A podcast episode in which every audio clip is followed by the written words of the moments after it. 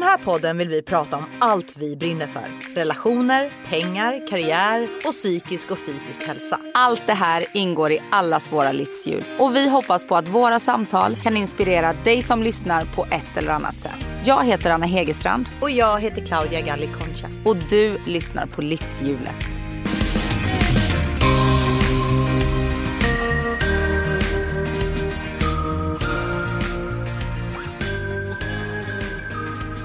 Vi är tillbaka, du och jag bara. Nu är vi tillbaka du och jag. Och jag känner att det är en grej som vi kanske måste lyfta redan så här i början. Så folk inte sitter och blir nervösa. Det är ju pollen. För att, för att jag låter som att eh, jag har gjort en eh, lite överdriven näsoperation typ. Eh, Kanske. Ja. Eh, och jag låter lite, jag har ju en raspig röst men jag känner att jag är lite bonusraspig på rösten. Jag får utnyttja det till någonting härligt tänker jag. Men- Ja men det brukar man ju förknippa med en sexig röst. En ja, raspig röst. jo men precis. Så jag tänker jag får spinna på det. Nej där, var, där är inte jag riktigt nu Nej. med min nästäppa. Det pratade vi faktiskt om att, att få till det när man är sjuk det vill man inte. Det är inte negligén med så här lite, lite så här narig under näsan. Men det ska bara snyta mig. Nej men också ont i halsen. Inte heller någonting man liksom blir sugen med. Tycker jag. Nej det är det inte. När man är sjuk är man sjuk. Ja det är på något sätt. Då vill man bara se på Netflix eller vad man nu gör. Ja. Eller älskar älskar Äta inte. glass Har du och känna sett sig älskar älskar inte på Discovery? Eh, nej det har jag inte gjort. Däremot kollar jag på Kärlek vid första ögonkastet nu. Skulle du kunna ge dig in på något sånt om du inte hade haft en partner? I, Att folk I har liksom TV också. Kastat, kastat en man. Ja men eller kanske skit i tvn då. Mm. Och så kanske det som gör att man faktiskt vågar göra det. Jag vet inte. Men. alltså jag vet inte. Utan tv blir Jag- det jag ett konstigt kan- upplägg.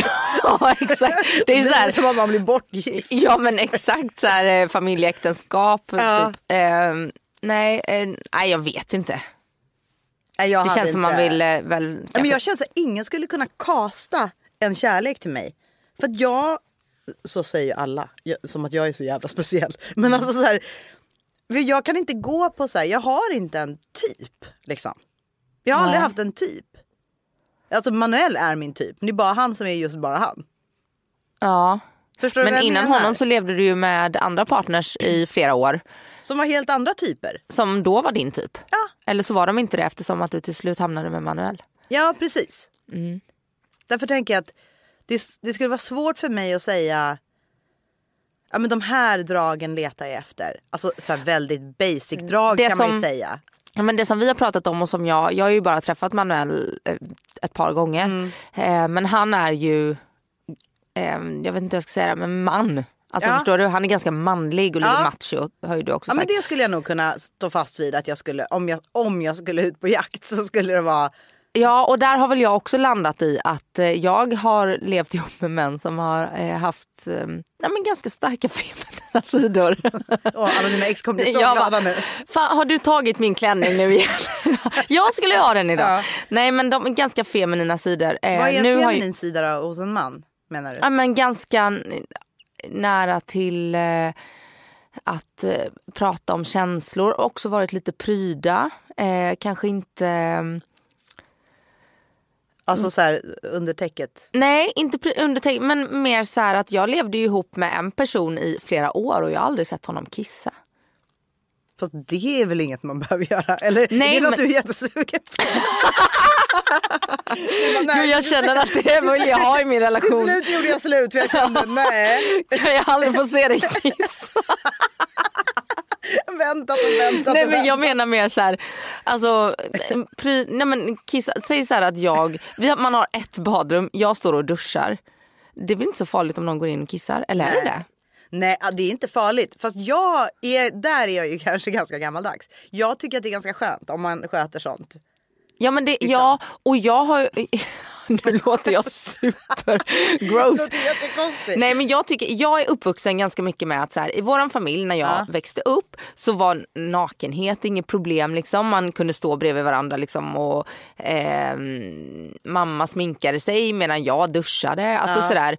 Eh, jag har aldrig, mina, jag är ju känd bland vissa av mina vänner, väldigt nära vänner. Det här, för att det här vara är avsnittet väldigt... där alla får en ny syn på Anna Ja exakt. Nu ska jag ju berätta, min exhibitionism och eh, vad heter det när man går runt naken? Eh, nudist. Alltså, är, Ja. ja det heter det väl. Ja. Nudiststränder heter det i alla fall. Där man Exakt, badar. nudist. Ja. Ja, Jag- nudist ja. Jag är Naken inte nudist. nudist. Exakt, Ja. och jag är inte nudist. Men jag har inga problem att vara naken. Nej. Och jag, eh, eh, Är du det inför dina barn också?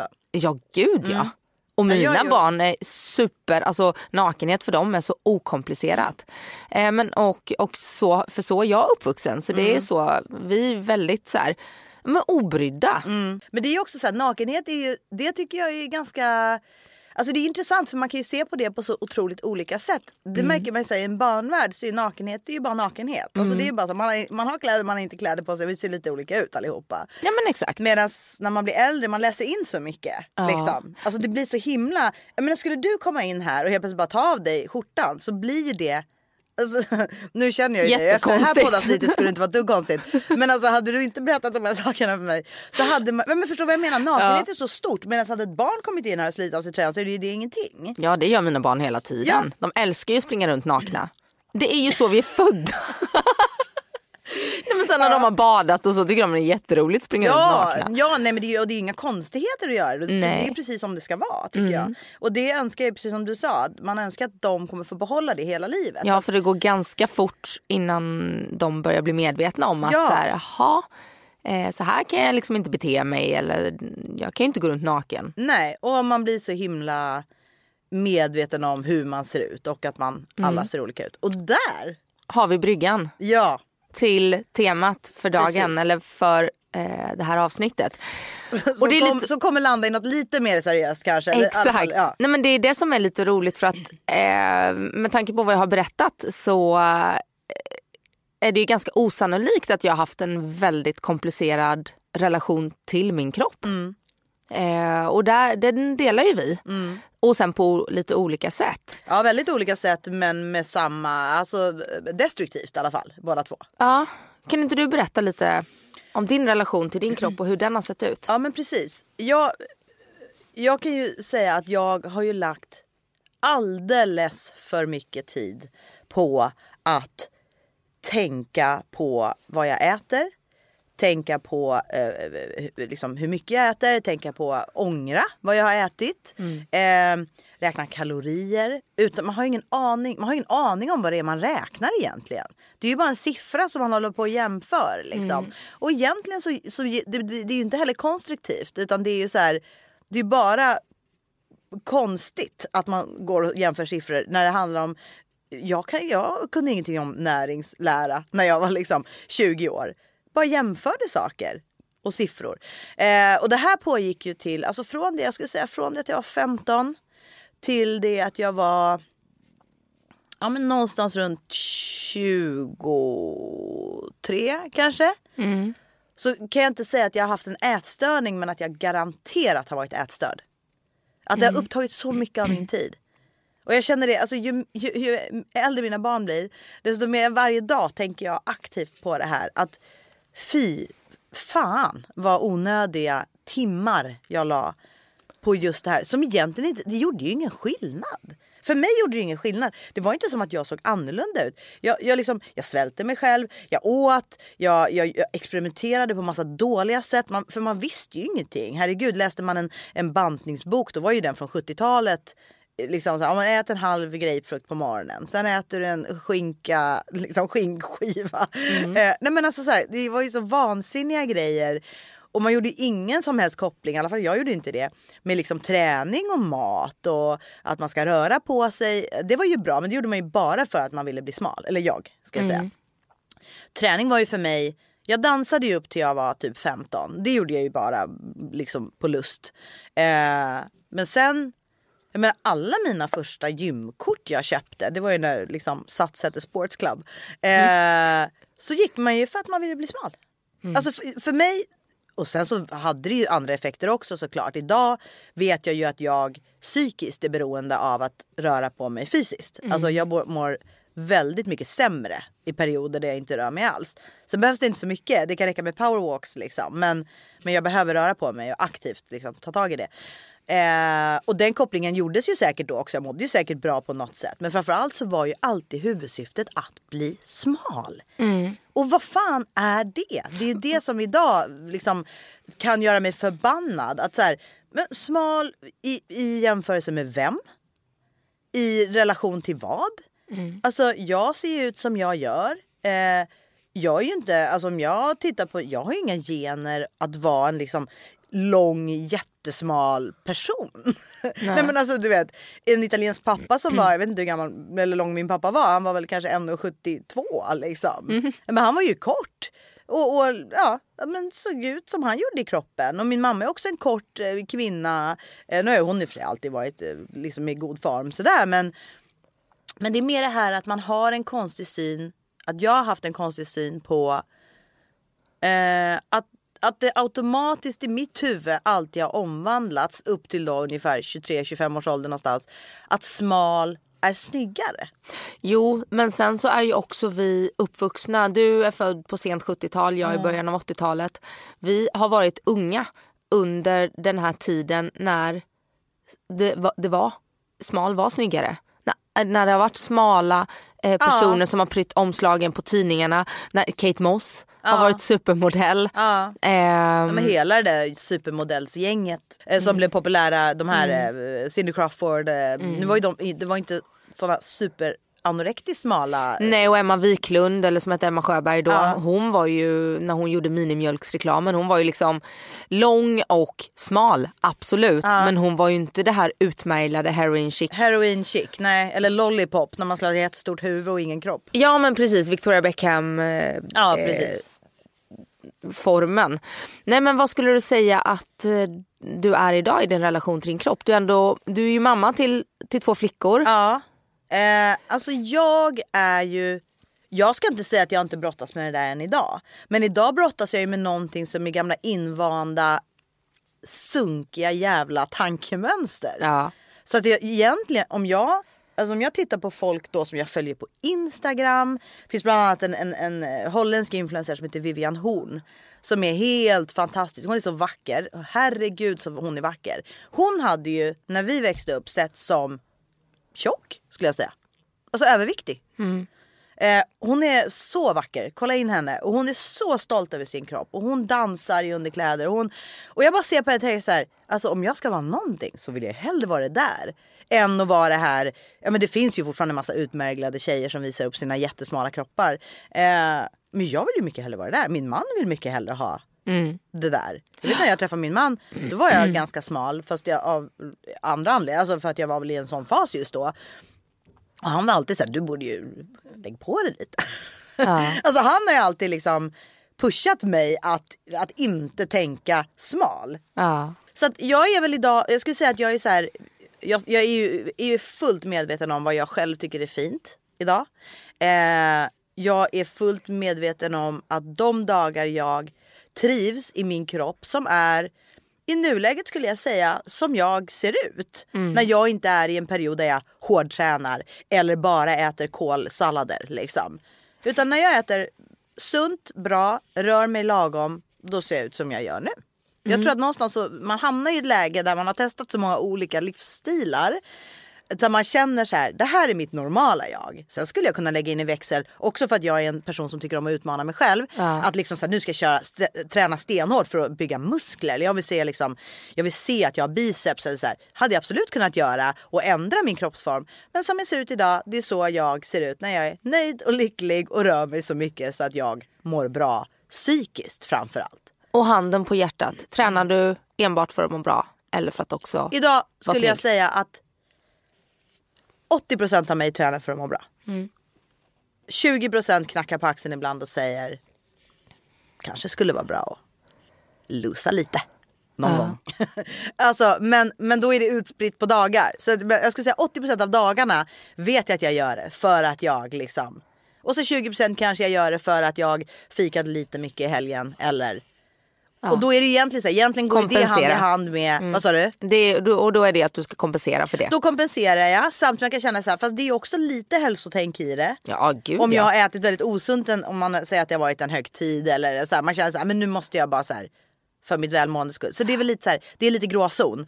Men absolut, jag säger inte att det, det där, de där tankesätten är helt borta. Men jag, jag, jag mår väldigt bra i mig själv och jag tycker om min kropp. Och jag, liksom, jag tycker om min lilla putmage. Och jag, du vet, jag har fött två barn och min kropp eh, lever och är stark. Och, ja, men alltså, och min man älskar min kropp. Det är Ja. ju liksom någonstans om man ska se det från det fåfänga sidan huvudsaken. Såklart. Alltså hade han, hade han Eller att du är nöjd med dig själv och sen så är det ju toppen att du har träffat en person som eh, Ja. matchar Nej, dina... alltså hade han inte varit nöjd så hade jag inte varit med honom. Punkt. Nej, och inte han med dig.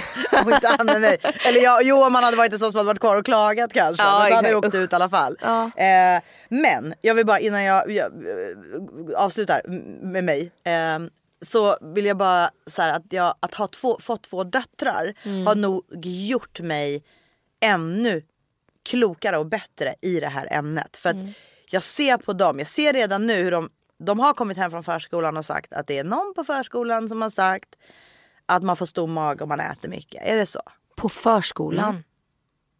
Och jag blev så arg så att det typ svartnade i ögonen. Samtidigt kände jag kan inte bli arg på dem. och jag kan ju inte heller söka upp det här barnet och slå det barnet. Fast jag i mitt huvud gjorde det en liten snabbis. Man kanske kan prata med förskolepedagogerna. Precis, det Att har jag hur gjort. pratar vi om Eh, sånt här? Det är så himla känsligt. Men jag tror att jag ska ta upp det här med föräldern för att jag tycker inte att det är okej. Men absolut, det finns, det finns ett barn på mina barns förskola som säger att man blir tjock om man äter mat. Och då eh, kommer det ju såklart, har ju barnet hört det någonstans ifrån. Någonstans ifrån har man hört det. Sen kan det vara eh, föräldrar, det kan vara mormor och morfar, det kan vara farmor och farfar, det kan vara moster, det kan vara kusin, vad som helst. Ja. Men det kommer ju inte från dem själva. Man föds Nej. ju inte och tror det. Nej såklart. Man har hört Och då det och det får kan man räcka med att man också- hör det en gång.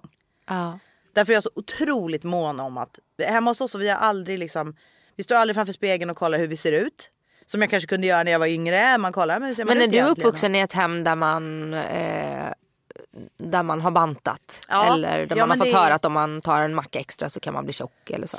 Alltså kanske inte sådär att jag känner att de, att de har varit på mig. Men de själva har ju gått på diverse dieter och ja, men mycket så i projekt liksom. Nu är det den här löksoppan i två veckor. Alltså sådär. Ja. Liksom. Men du går ju på, på periodisk fasta, Ja. vilket din man också gör. Ja. Eh, lite till och från eller? Ja, nej men nu, nu har vi nog kört ett tag båda två. i Har, liksom- har era barn reflekterat över att så här, varför äter inte ni frukost med oss? Ja precis, men då har vi ju gjort så ganska ofta, eh, även innan jag började med det så, åt, så dricker jag ju bara kaffe på morgonen Ja. för att huvudsaken är att de kommer iväg till skolan och jag vill inte att det ska vara stressigt. Och frukosten ska ju vara mysig har Och vi frukosten ska konstaterat. vara mysig. Det är så viktigt för mig. Allt ska ja, vara det, och mysigt. det är den inte i stress. Ja, nej, den är inte det i stress. Så det har de aldrig reflekterat över.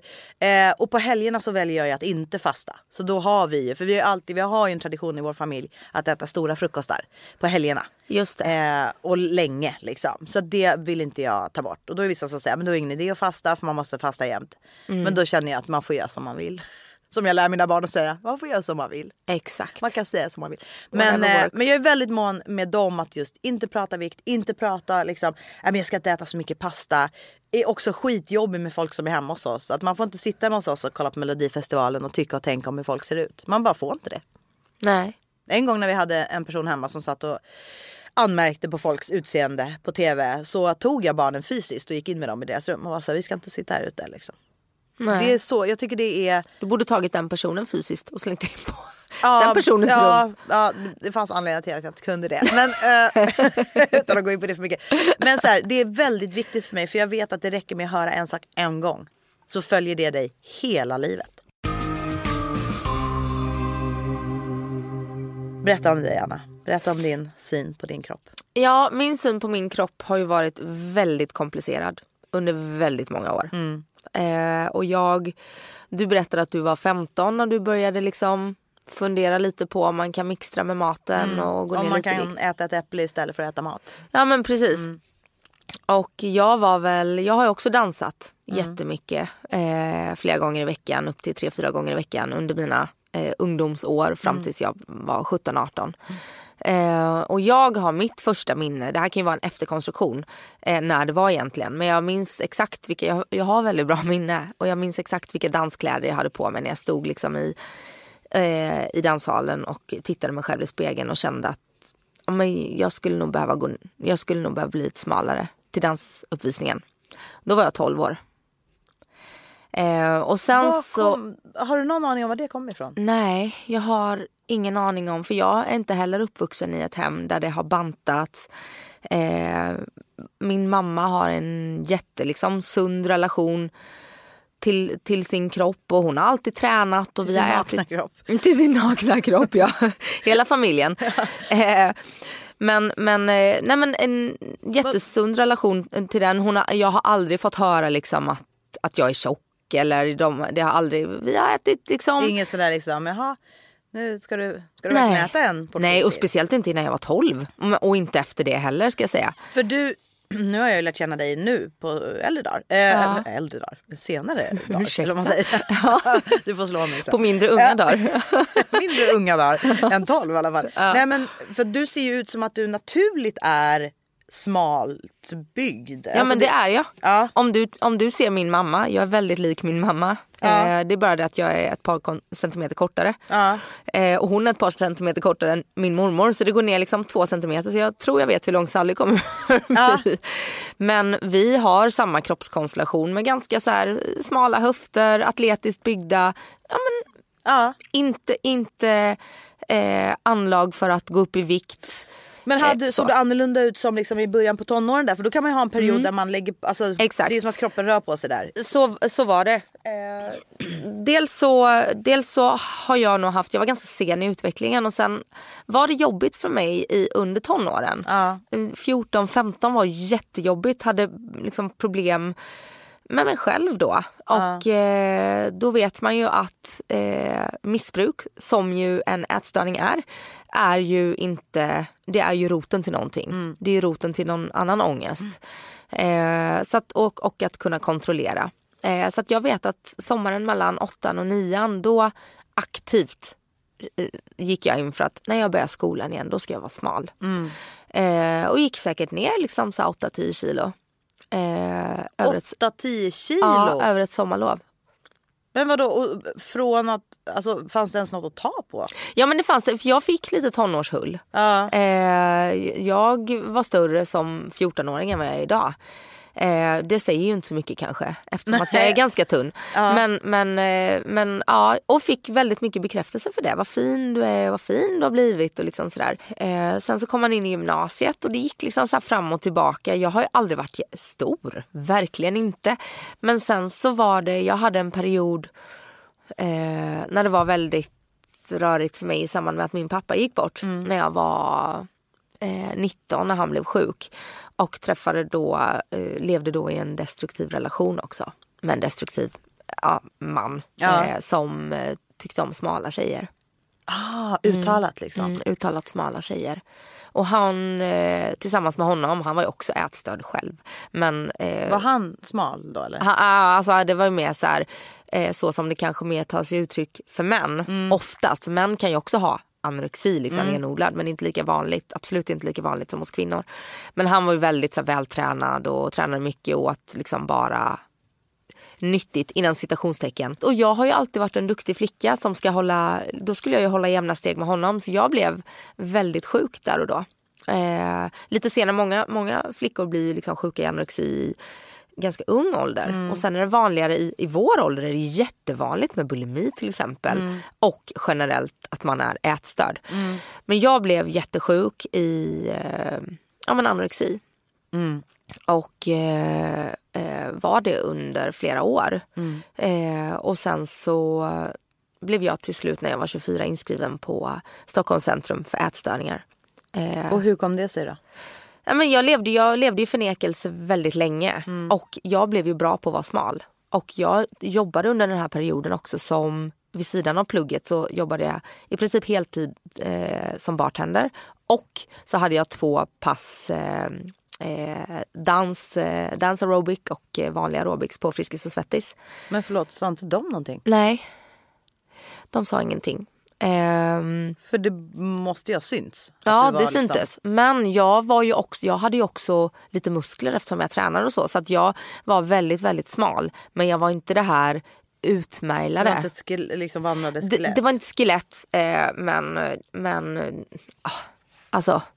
Skulle du fråga min mamma och mina nära vänner så var jag väldigt utmärglad. Liksom. Träffade de dig hela tiden? Nej, för- de bor ju i Jönköping. Ja, ja, jag bodde ju hemma då. Ja, du bodde hemma Ja, då? men jag Ja, ja, ja. flyttade också under den här perioden. Eh, först via Göteborg där jag pluggade och sen till Stockholm. Eh, och det, det var ju svårt liksom för dem. Jag var, ju- dels var jag vuxen och sen så eh, i förnekelse. Liksom. En missbrukare i förnekelse.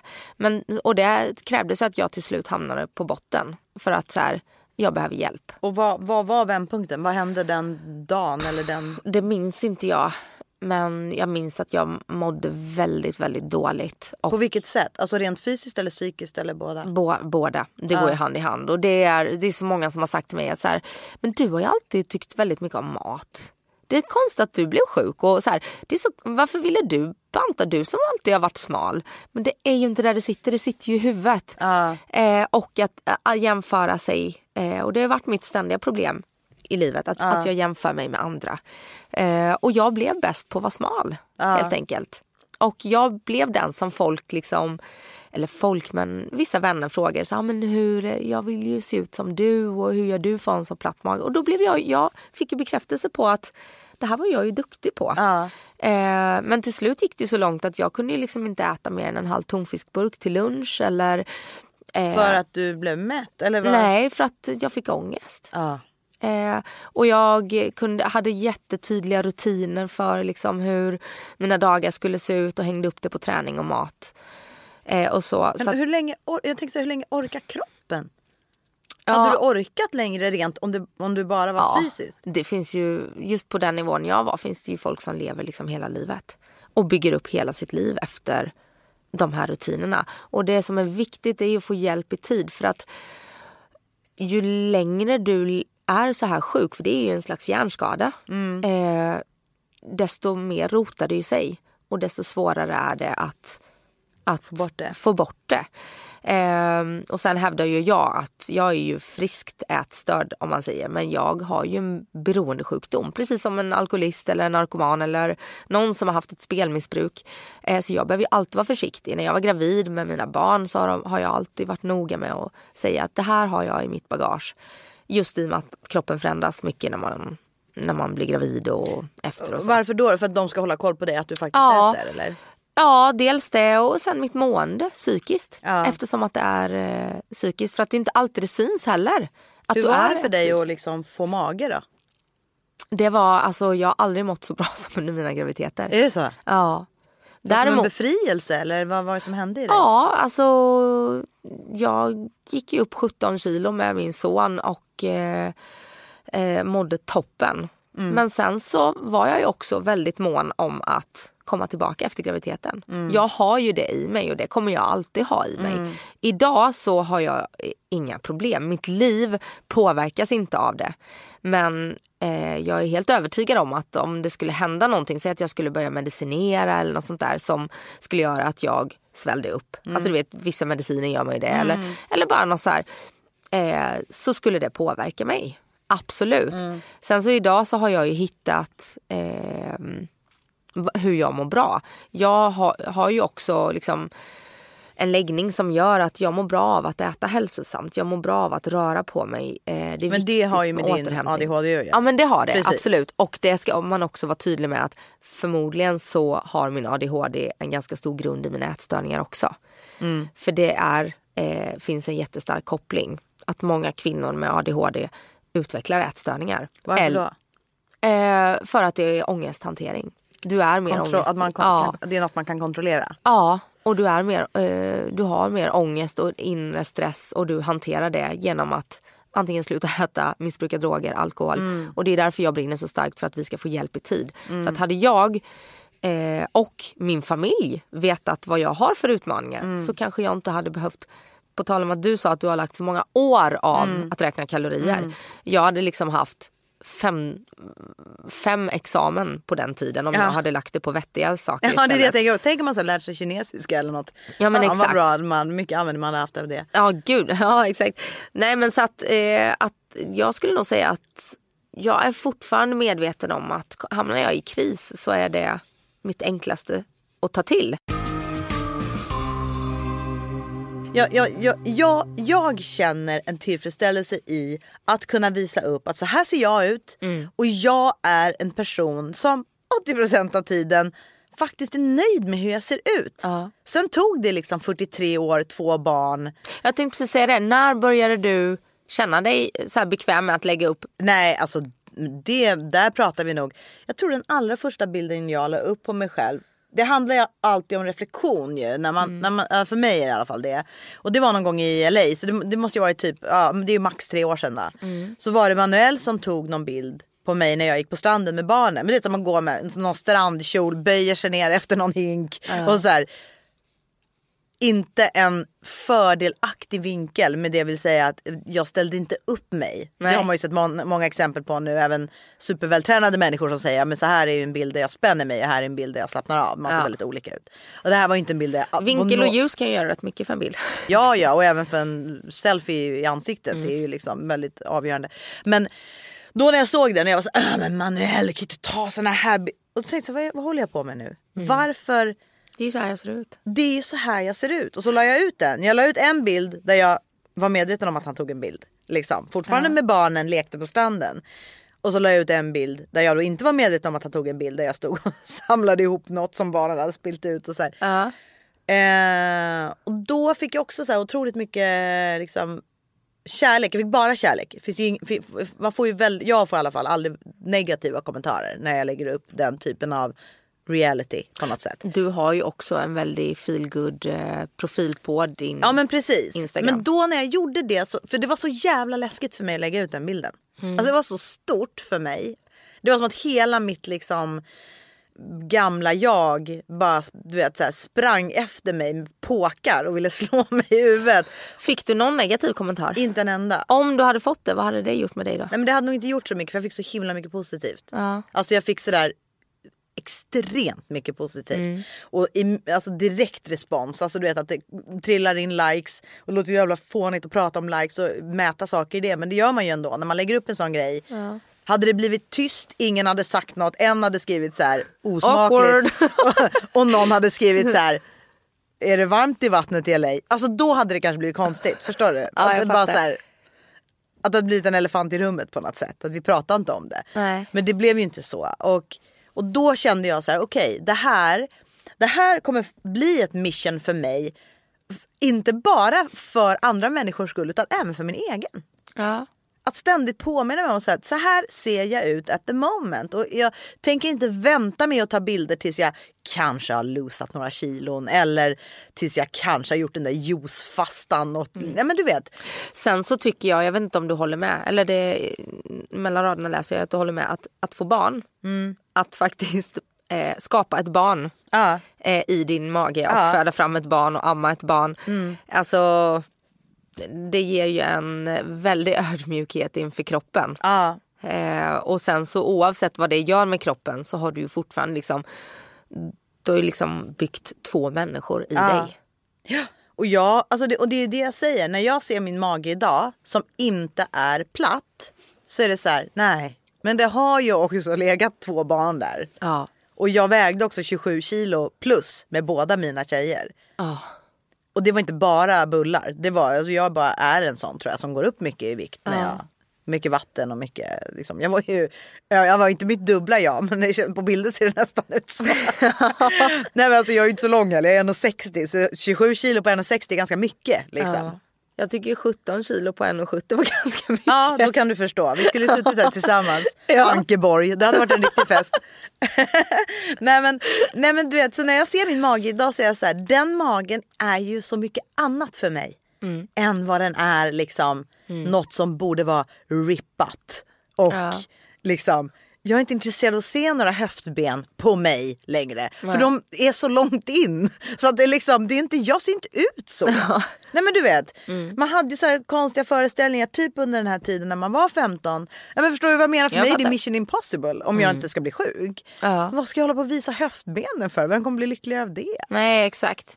Det är inte den som har mest höftben när den dör som vinner. Nej någonstans så den tävlingen är ju liksom inte så intressant egentligen. Men då var den ju det. Ja men det var ju också att alla och skulle vara stöpta i samma form. och allt vad man har hållit på och tittat på. Ja. Det är också helt sjukt. Alltså, att, det är också så otroligt jävla omoget. Förlåt. Men alltså så här, att utgå ifrån att alla skulle kunna ha ett thigh gap. Som om folk inte vet Vad är det för någonting? Ja, men det är ah, alltså att du mellanrum har, mellan låren. Ja precis. Att du liksom när du ska stå. Det handlar ju också typ så här. Är du lite hjulbent så är det enklare med thigh gap.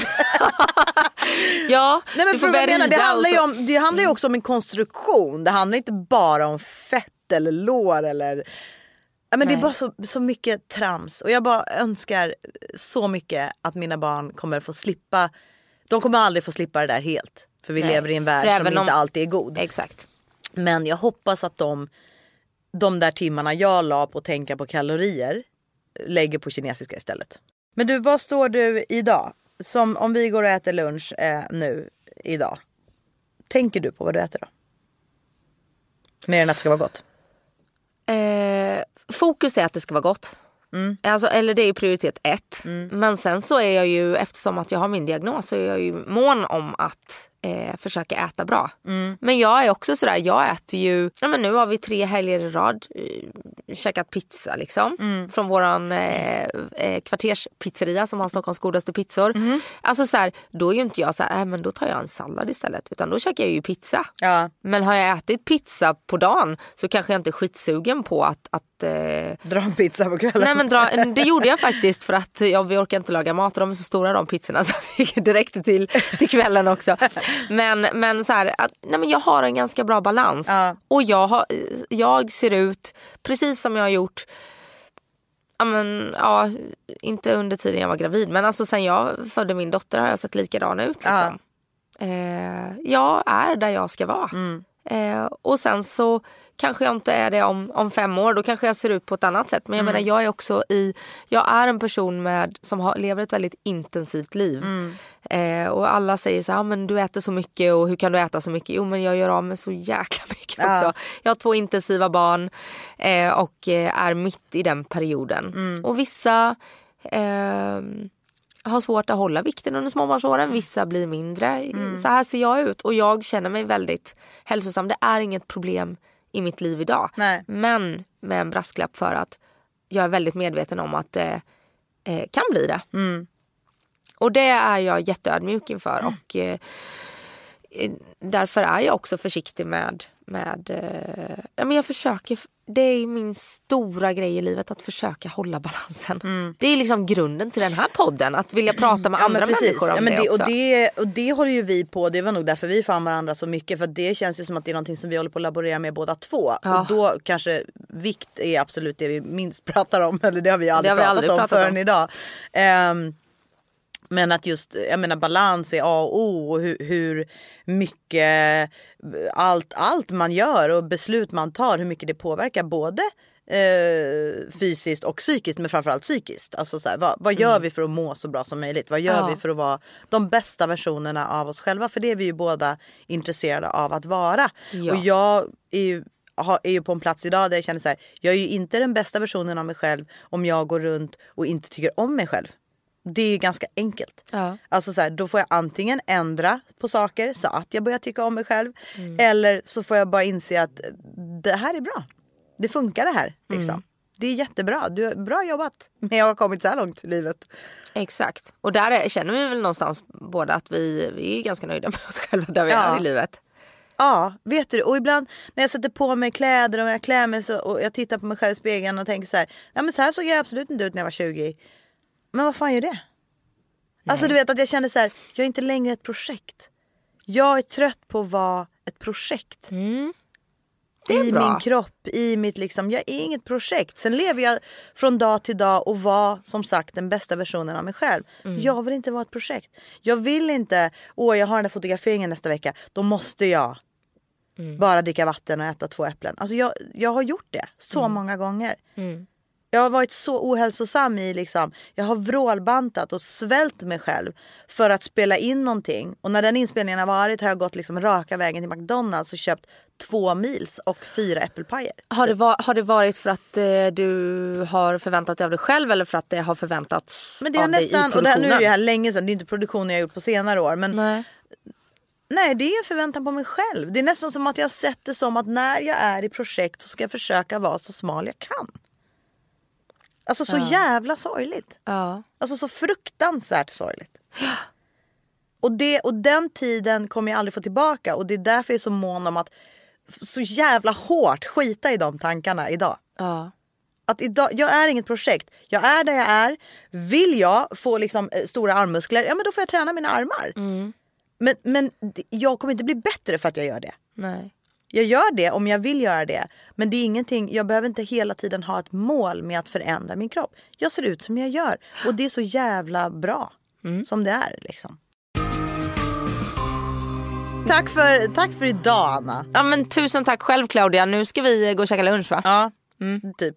Ish. Ja men det ska vi. Ja. Imorgon ska vi verkligen äta lunch. Imorgon ska jag och Anna ut på finlunch. Ja. Bara en sån sak. Men vi vill ju så himla gärna prata vidare med er som lyssnar. Vi är så glada. Det är ju så många som lyssnar på oss. ja, jag vet. Och det är vi så himla glada för. Ja. Och vi vill ju fortsätta snacka med er såklart. Eh, följ oss på Instagram om ni inte redan gör det. Livshjulet med Anna och Claudia. Eh, gå in och skriv där och, och likea saker. Ge oss kärlek. Eh, önska. Vilka Mm. vill ni att vi ska prata med? Vilka ämnen vill ni att vi tar upp? Och jag Kanske tänk- framförallt vilka ämnen de vill att vi tar upp i de här poddarna där det bara är du och jag. Exakt, för jag tänker att ett sånt här ämne som vi har tagit upp idag eh, med vissa kontroversiella uttalanden kanske men också eh, det man har fått höra om, om våran relation till oss själva. Att det kan skapa tankar och att man har både synpunkter, eh, tips och eh, eh, ja, men allmän feedback på det. Och det vill vi ju eh, ha. Och vi försöker hålla... Genom vi, konstruktiv kritik så växer man har jag hört. Exakt. Och eh, vi vill ju hålla igång livshjulet med Anna och Claudia på Instagram så, le- så mycket som möjligt. Ja.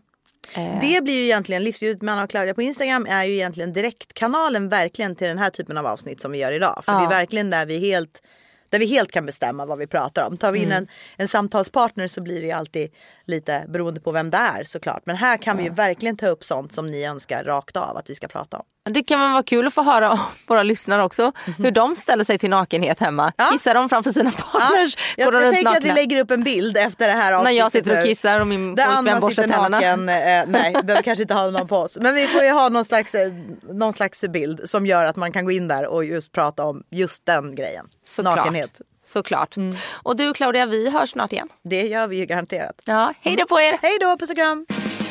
Det var den här veckans avsnitt och tack bästa ni för att ni har lyssnat på oss. Och fortsätt gärna hänga med oss på Instagram där vi heter Livshjulet med Anna och Claudia. Har ni något ni vill prata med oss om, önskemål om gäster eller teman så skriv till oss där för vi svarar på allt. Och så hörs vi nästa vecka. Puss och kram! Puss och kram!